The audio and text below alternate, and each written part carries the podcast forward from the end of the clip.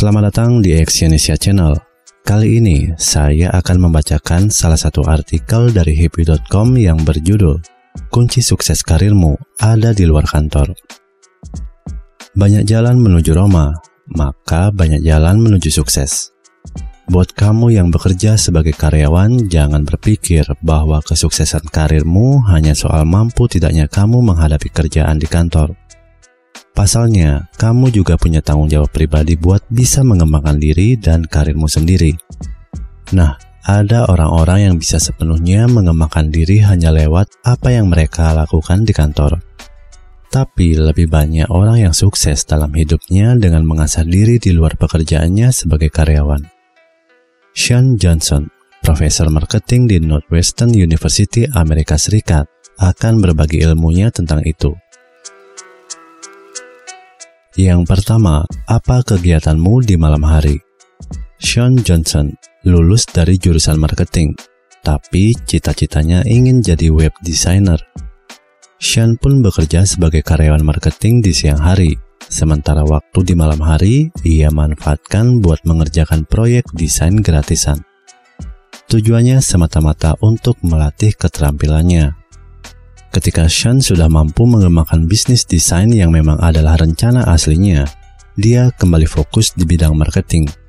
Bedanya, ilmu marketing yang ia terapkan kali ini bukan untuk siapa-siapa, tapi untuk perusahaannya sendiri. Hal yang sama juga dialami teman-teman Sean. Salah satunya seorang teman lulusan sarjana politik yang beralih ke bisnis startup dan ternyata sukses. Dalam kasus ini, apa yang mereka lakukan antara jam 6 sore sampai jam 12 malam adalah yang menentukan sukses masa depan. Yang kedua, hidup tetap harus seimbang. Lalu, gimana kondisinya kalau kamu sudah menikah atau punya anak? Setelah pulang kerja, kamu pasti ingin menghabiskan waktu dengan istri atau anakmu.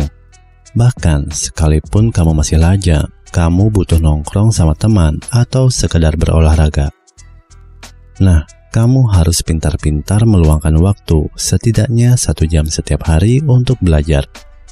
Hal ini jelas lebih baik daripada kamu sibuk nonton drama atau stalking gebetan di Facebook. Yang ketiga, buku dan membaca itu penting. Salah satu dosen Sean berasal dari keluarga Afrika Amerika yang dibesarkan di Alabama.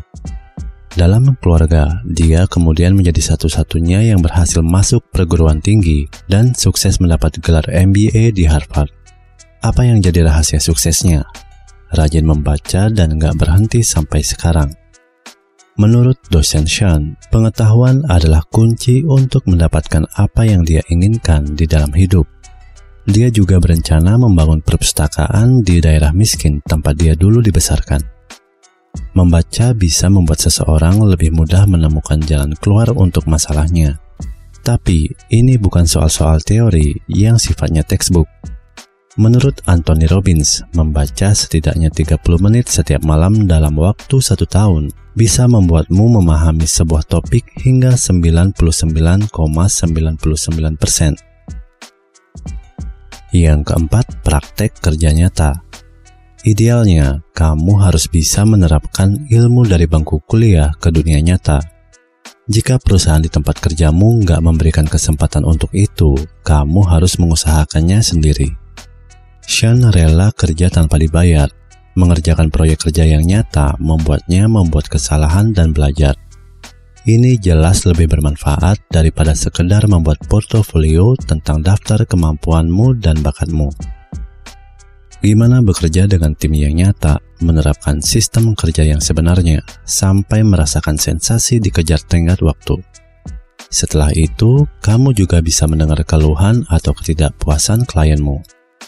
Bahkan, ketika kamu melakukan kesalahan atau pekerjaanmu nggak memuaskan klien, itu justru jadi pengalaman yang berharga.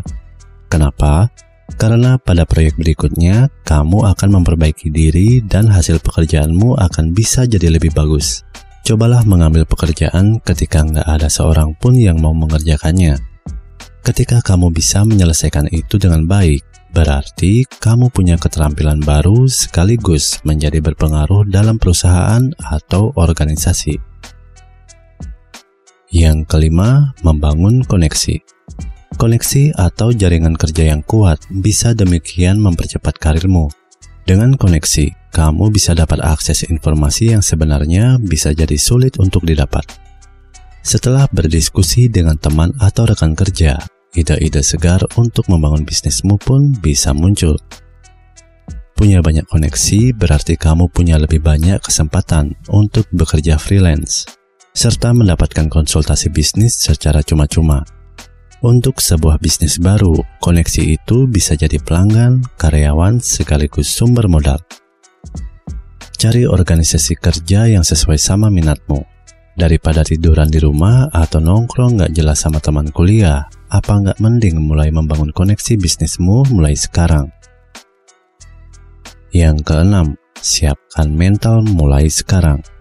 Buat melakukan tips-tips yang saya sebutkan tadi, kamu nggak butuh izin dari bosmu atau siapa pun. Jangan berpikir buat mengistirahatkan otakmu di malam hari, tapi fokuslah pada bagaimana kamu bisa jadi lebih pintar dan sukses di masa depan. Menurut Sean, jika kamu meluangkan waktu satu jam untuk melakukan hal-hal yang saya sebutkan tadi, maka karirmu akan jadi lebih baik kira-kira setahun dari sekarang. Terima kasih telah mendengarkan audio artikel ini dan silakan cek link di bawah untuk membaca artikel yang saya bacakan ini di hibwi.com. Salam sukses.